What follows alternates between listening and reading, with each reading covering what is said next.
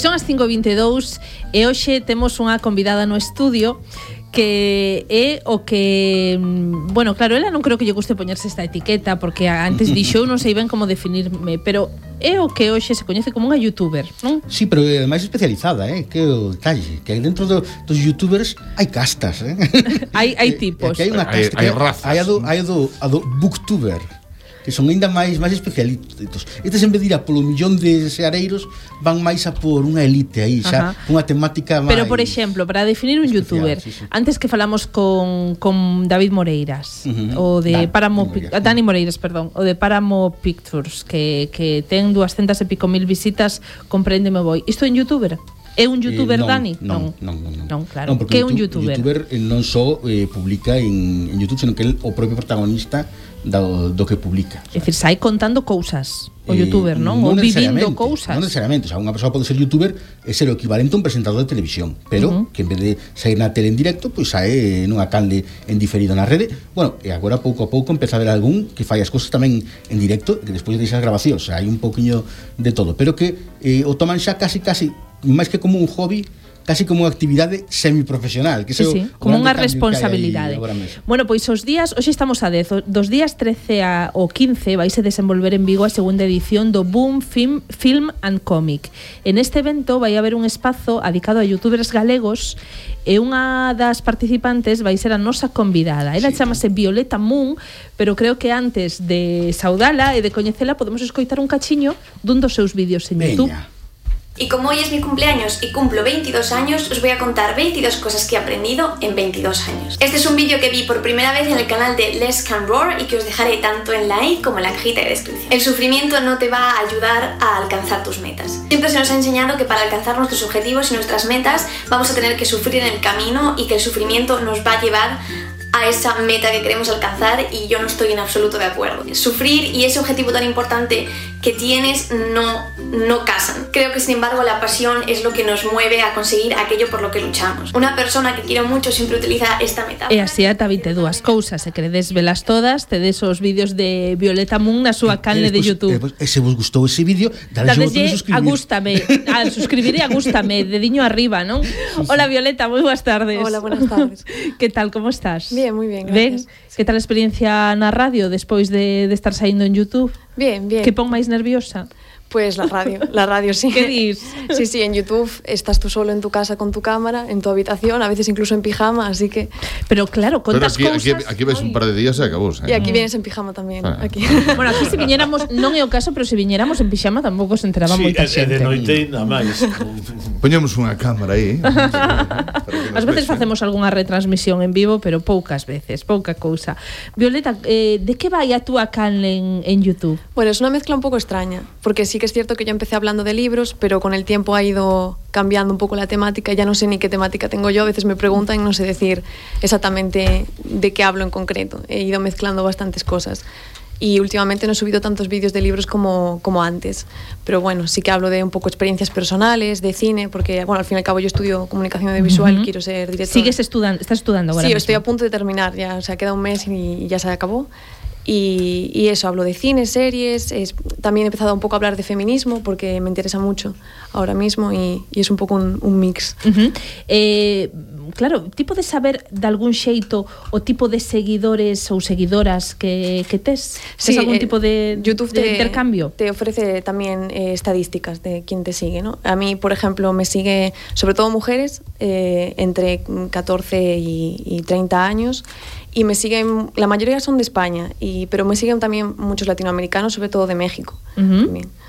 Eh, cantos suscriptores tes? Porque isto tamén é moi importante, non? Sí. No mundo de YouTube. Bueno, yo tengo un canal bastante modesto, porque son eh, ahora mismo 4.700 personas más o menos. Uh -huh.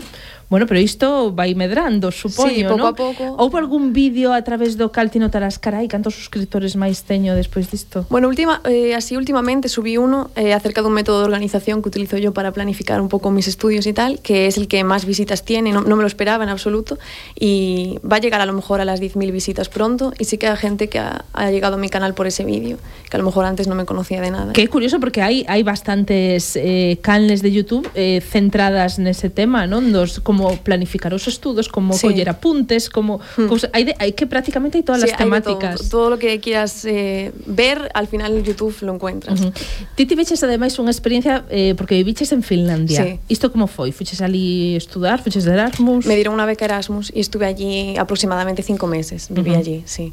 Eh, e tamén contas na, na calna a tua Sí, experiencia? ah, bueno, ahora que vine aquí eh, me da pena no haber hablado más sobre ello, ¿no? Pero estaba tan emocionada viviéndolo que al final se te olvida a veces grabar. Porque dende ali tamén fixeches Sí, vídeos. hice libro, vídeos de libros que, que leía mientras estaba allí y hice uno contando como mis primeras impresiones y hay algún pequeño vídeo de pues cuando fui a Helsinki, cuando fui a ver algún lago allí que había en la ciudad en la que estaba.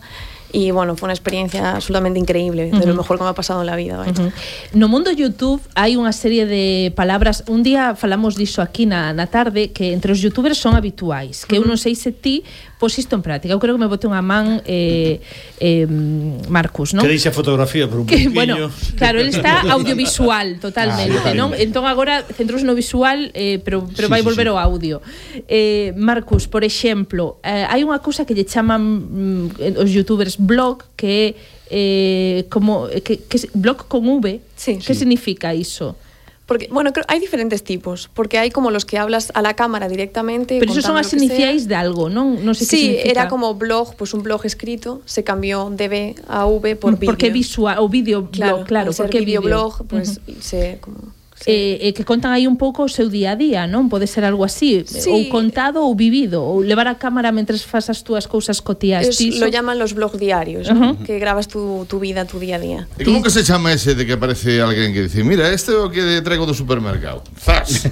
Eso es un haul, sí, do supermercado ou da tenda de roupa. Ou, ou, ou, collínlle a, a cesta da compra a miña nai a ver que comprou, a ver que sí. mercou para comer mañá. E sacas e empezas a comer peixe, Pero se si non no sabes lo que hai dentro, entonces entonces es un unboxing. Ay, ay. A ver, ¿qué es un unboxing entonces? Un unboxing es cuando abres algo que está envuelto, Ajá. que te han enviado o algo que eso que está envuelto entón, que te ha llegado. que tío estás descubrindo ao mesmo tempo claro. que hai xente que ve o teu vídeo. Ven tu reacción al abrir. Precisamente unha das canales de YouTube con máis sereiros a nivel mundial son especializadas en unboxing. Ajá. Logo a min hai unha cousa que me fai moita graza que é un tema que lle chaman Draw My Life, que sí, é debuxar sí. a miña vida, uh -huh. que isto fan moita xente en YouTube. Sí, tuvo un boom aí ese vídeo e estaba todo o mundo haciéndolo. Claro, eu non sei en que momento hai alguén que se lle ocorre facer unha destas cousas que estamos aquí contando e de repente isto ponse de moda e, e moita xente o fai. Ti, nese sentido, Violeta, deixaste guiar por esas modas ou vais máis, máis dame impresión de que ti vais un pouco máis independente, non? Al principio sí, ¿no? Porque cuando empiezas sí que tienes un poco a hacer lo que hacen los demás, porque te gustan, intentas, intentas hacer, hacer, eh, hacer lo que hacen los canales que a ti te gustan, al fin y al cabo, ¿no? Uh -huh eh, pero luego te vas dando cuenta de que a lo mejor estáis todos haciendo lo mismo y que dónde queda la originalidad, ¿no? Entonces yo últimamente intento buscar pues, cosas un poco distintas, así más originales, que tengan también que ver con cosas que aprendo en la carrera, entonces... Entón, agora teño aí unha pregunta. A, ver, a ti só empezar por, por facer cosas en Youtube foi algo en plan de que o fixeres como hobby eh, ou foi máis unha cosa máis tirando ao profesional? O sea, tirou a xornalista da youtuber ou a youtuber da xornalista? Que foi eh... antes, ou a pita? Pues no lo sé, es complicado. Eh, bueno, que yo me haya abierto el canal es por, el, por la carrera que estudio, yo creo, porque al fin y al cabo el audiovisual me encanta en todas sus formas, me gusta sobre todo el cine, pero yo veía canales y decía, Dios, yo estudiando esto, ¿por qué no lo intento? ¿Por qué intento crear así mi propio espacio? Y me lo tomé como un hobby, sobre todo, o sea, no, y me lo sigo tomando como un hobby. Desde luego no subo todos los días, no subo todas las semanas, subo cuando puedo, cuando me apetece. Y para mí es un hobby que nace a raíz de, de la carrera, sí. Eh, porque claro, todo isto leva un traballo. Sí, sí. Eh, eh, non podes aparecer así cutremente, eh, ainda que pareza todo moi improvisado, que ti apareces aquí no teu cuarto, uh -huh hai unha boa iluminación, sí. ti estás ben arregladiña, dicir, non colliches a cámara nun momento dado en casa e empezaches a falar, non? No, no, o sea, hay un proceso, sí. Eh, todo isto supoño que leva tempo. Lleva más tiempo del que parece, sí, porque Ujú. bueno, al final pues el resultado puede llegar a ser un vídeo de dos minutos, tres minutos, pero a lo mejor entre que preparas eh, los focos, porque bueno, yo en mi caso utilizo focos. Sí, como é Eh, para Fernalia no teu caso? Bueno, en mi habitación mis compañeros siempre se ríen cuando entro porque y siempre me dicen, saca los, fo- eh, los focos que queremos sacarnos una selfie cosas así, ¿no? Porque tengo allí nada más entrar, ven dos focos enormes y tengo el trípode por ahí, dos cámaras, bueno, es un, mi habitación es un percal audiovisual. Entonces, claro, mm, tienes que recoger la habitación pues si está desordenada o pasas la, el desorden a la zona que no se ve. Eh, yo me arreglo, que no creo que sea algo indispensable, por supuesto, pero yo me siento Para más verte cómoda. mellor, claro. Sí, eh, preparas la cámara, tienen que estar las baterías cargadas, bueno, que sí que parece que una tontería, pero a lo mejor media hora de preparación la echas. Yo guion, claro. eh, Levar todo guionizado. Claro, yo no me escribo un guion guion, pero sí Pero tengo una idea. mentalmente, claro, claro. claro, tienes como un, boceto de lo que quieres decir. E logo hai que editar o vídeo. Sí, y editar el vídeo para que quede bien, subirlo, que luego ya si tu internet te va un poco mal, a lo mejor echas muchas horas subiendo el vídeo. E todo, todo grabado na túa casa Vives con cos teus pais? Pregunto No, ahora mismo vivo, vivo aquí, estoy estudiando en Santiago y vivo con Bueno, tres pero compañeros. así, obviamente, dentro da lógica evidente preocupación que os pais teñen polos fillos, seguramente te seguen, que che comentan. Sí, sí, eh, mi madre es muy fan mía, porque además mi madre es filóloga y como empecé hablando de libros, pues, pues a ella le gustaban mucho los vídeos, además fue ella quien me inculcó la pasión por la lectura, entonces mi madre sí que los ve todos, sí, es la primera que le da me gusta en Facebook cuando los pongo.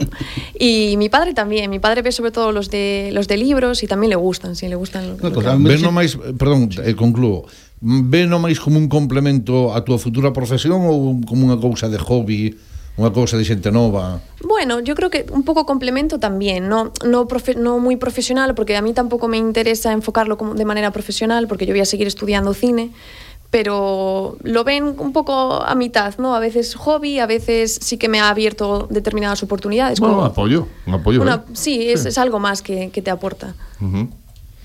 Eh, vai eh, unha, unha cousinha aí. Eh, o xente que é cativa, cando agora se aficionan a ver os vídeos de YouTube, teñen aí os youtubers como ídolos e pensan que iso que é unha profesión, que se pode vivir diso, pero abrir unha canal de YouTube e que empecen a chegar cartos eh, non é un, verdad? Non, non, é moi difícil, hai moi poca gente que vive de YouTube. Eh, el Rubius, que é el ejemplo que pone todo el mundo, supongo que él pues sí que podrá permitírselo con 18 millones de seguidores, pero es, es muy difícil vivir de YouTube solamente, es, es prácticamente imposible, yo lo veo así, vaya. Ti que can le segues, Violeta? Uf, yo sigo muchísimas cosas. Eh, de libros me gustan, me gustan mucho libros de María, que es una chica que habla de literatura más adulta, me gusta mucho. Anbari, que es una chica que, con la que además me llevo bien y, y también hace libros, o sea, vídeos sobre libros. Esto pasa siempre cuando hablas. Dices vídeos sobre libros, libros sobre vídeos. También me gusta mucho, pero también sigo canales, uf, sigo canales de, de videojuegos, algunos. Eurogamer me encanta porque me encantan los videojuegos. Ujú. Sigo a Manu Carbajo, que es un chico que hace reviews de películas y que también quiere ser director y, y que tiene algún corto muy chulo también. Uf, sigo de todos, que no, no podría claro. terminar. Eh, eh quería che preguntar xa como experta, canto debe durar un vídeo de, de YouTube? Sobre todo estes, eh, quero dicir, hai outros que son unha persoa que se vai movendo e dai un pouco de dinamismo. Entón, o mellor, ainda que sexa un pouco longo, pero nestes vídeos nos que ao final eh, está desaguantando un plano fixo eh, durante moitos minutos, canto debería durar como máximo un vídeo? Yo creo que depende del vídeo, ¿no? Pero yo intento que no pasen de los 10 minutos, porque al fin y al cabo mm, es así que la gente se aburre si estás 10 minutos hablando, dura muchísimo, se hace muy largo y si aún encima tú no haces nada para que sea ameno y eres tú hablando y dando tu discurso, al final 10 minutos me pasa a mí que a veces corto los vídeos y no los veo. Entonces yo para mí si pueden durar menos de 10 minutos, perfecto. Uh -huh. É que 10 minutos Bueno, a ver, a- cuidado, eh. Claro, pode, pero bueno, se o que está Sin contando entretido, eh? que está contando entretido sí. que en o sí, sí, pasan sí, claro. llevoando eses 10 sí, minutos. Claro que sí. Está demostrado que no zapping eh, mm. hai moitísima persoa que fai zapping o cambiar de plano, far, sí, sí. o fer plano picado automáticamente faz zapping na tele. Pero aquí está, en YouTube eu creo que funciona un pouco, ti eh, unha vez que un vídeo te engancha, sistema, sí. velo ata o final, non? Mm. Eh, o que si sí aí o mellor funciona moito é o que dicíamos antes Violeta de que un vídeo eh, aínda que ti contes unha cousa moi interesante ten que ter unha boa calidade. Sí. Porque o mellor ti empezas a ver un vídeo e xa ves que se escoita mal, que hai que está medio escuras, que tal, xa che dá pereza mm. escoitar o que conta, non? Sí, yo creo que al principio a lo mejor no era tanto así, pero ahora que ya hay cierta calidad, que hay gente que hace contenido muy bueno, pues quieras que no el espectador pues tiene una cierta exigencia a la hora de, de ver los vídeos mm. y yo entiendo que si mis vídeos se escuchasen fatal, entendería que no quisiesen verlos. Claro. Eh, dicías antes que te escoitan e que te seguen tamén dende México, que sí. te comentan eh, plantexaste, porque logo os youtubers fan intercambios, non? Ou Sí. van coñecer os seus seguidores. Plantexaste algo así? Hombre, a mí me encanta viajar, así que si pudiese ir a México me encantaría. Y si me invitan, bueno, ya no me veis aquí, salgo corriendo. Pero por ahora es muy difícil. Ya digo que yo tengo un canal bastante modesto y que, que bueno, las oportunidades que me vayan saliendo, yo adelante, pero poco a poco. Cal é o próximo vídeo que tes preparado, se se pode saber? Pues como va a ser este fin de semana el festival, pues quería hacer un vídeo también mientras estoy allí, no solo dar la charla, sino también grabar un poco el festival, las actividades que hay. Uh -huh. E no festival que ides facer? Porque ides estar varios youtubers galegos. Mm, sí. Que máis vai estar, Marcus? Sebas Mouret, vai estar tamén, son eles dous nunha, nunha mesa na que van falar uh -huh. do fenómeno booktuber no principio, non? Sí. Booktuber, mm. porque, bueno, eh, aínda que Violeta Moon fai máis cousas, clasificaríamoste nun principio como Booktuber, Tamén polos libros. Tamén de cultura popular mm. e de, e de libros. Eu voulle dar unha idea, a Violeta, que é fantástica. Eh, ademais, seguro que sacas un guión extraordinario que hoxe estive na radio. Sí, eso es una buena idea. Podría ser. Conta experiencia. Hoxe estive na radio tan pum pim pum. Van, logo, Marcos sacando fotos pim pum pim pum. A ver, que dis que imos ver o vídeo Viol... Por certo, de onde vengo de Violeta Moon? Bueno, mi segundo apellido es Luna y es un apellido bastante poco común porque yo realmente solo conozco a gente de mi familia que se apellide Luna. Y mm, esa parte de mi familia vive en Alicante, no la veo mucho y pero les tengo mucho cariño, entonces pues era Pero. Violeta é o teu nome auténtico, Sí, non? sí, sí. Ujú. El Moon es pues el por el A Luna. traducción de, de Lúa. Sí. Bueno, pois Violeta, esta fin de semana, Eh, nese eh, salón... Violeta cun soté, verdade? Sí, sí. Por que dices? Ah, bueno, porque hai esta que lle gusta as nenas, non? Que con ustedes Non sigo moito a Violeta tá. Se andaba agora que non ten agora unha película nova e todo. Sí, ah, sí, sí, ten unha película, sí, sí. E ti por que o sabes? Bueno, porque hai que estar ao que hai que estar. Ah, vale, vale, é certo. Pero xa, ainda estamos con Violeta. No, no, pero, ah. pero de repente odiamos a Violeta, pero a que odia a Violeta dime, ai, mira, Violeta ten unha película nova. Mira, entonces enteraste. Claro. Xa, xa, xa. Estamos con outras cousas, eh. Eu pensei que estamos no, no, en idade de deixar a Violeta. No, no, estamos con rapeiros e de la fuente, cousas destas.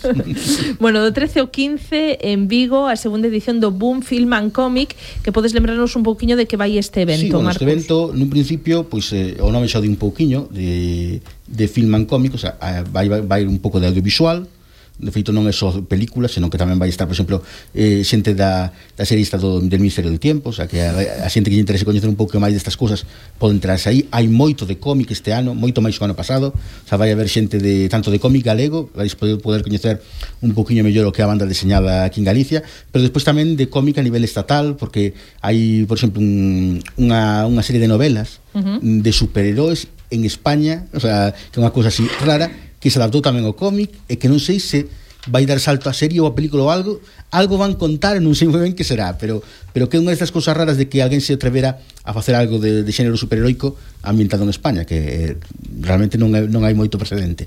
Eh, ese tipo de cousas vanse poder ver ali, e despois, por suposto, hai zona de artesanía, na que hai moita xente que leva pois, dende debuxos ata cousas feitas a man que se van a vender ali, hai moito cosplay, moita xente disfrazada, que incluso vai haber un concurso de cosplay bastante potente, o sea que realmente é unha, unha xornada con moitas actividades, por suposto non vai faltar xente vestida de Star Wars uh -huh. eso, vai, as, os fans de Doutor Who ali sí que teñen un, un sitio que é algo bastante raro agora no, nos eventos porque claro, hai de, de animación xaponesa por eso hai moito pero de cosas tipo Doutor Who é máis eh, complicado atopar, atopar sitios onde poder discutir de, sobre o tema falar e demais o sea que realmente un evento que para frikis son tres días que non se poden perder e ademais iso que pilla unha te temporada que esperase que chegue relativamente bo tempo e a ver se, se, se, se pode gozar dunha boa fin verse así. Bueno, pois Violeta Moon, encantados de coñecerte. Muchas gracias. E eh, Marcos, contigo quedamos a vindeira semana. Veña, vale. Semana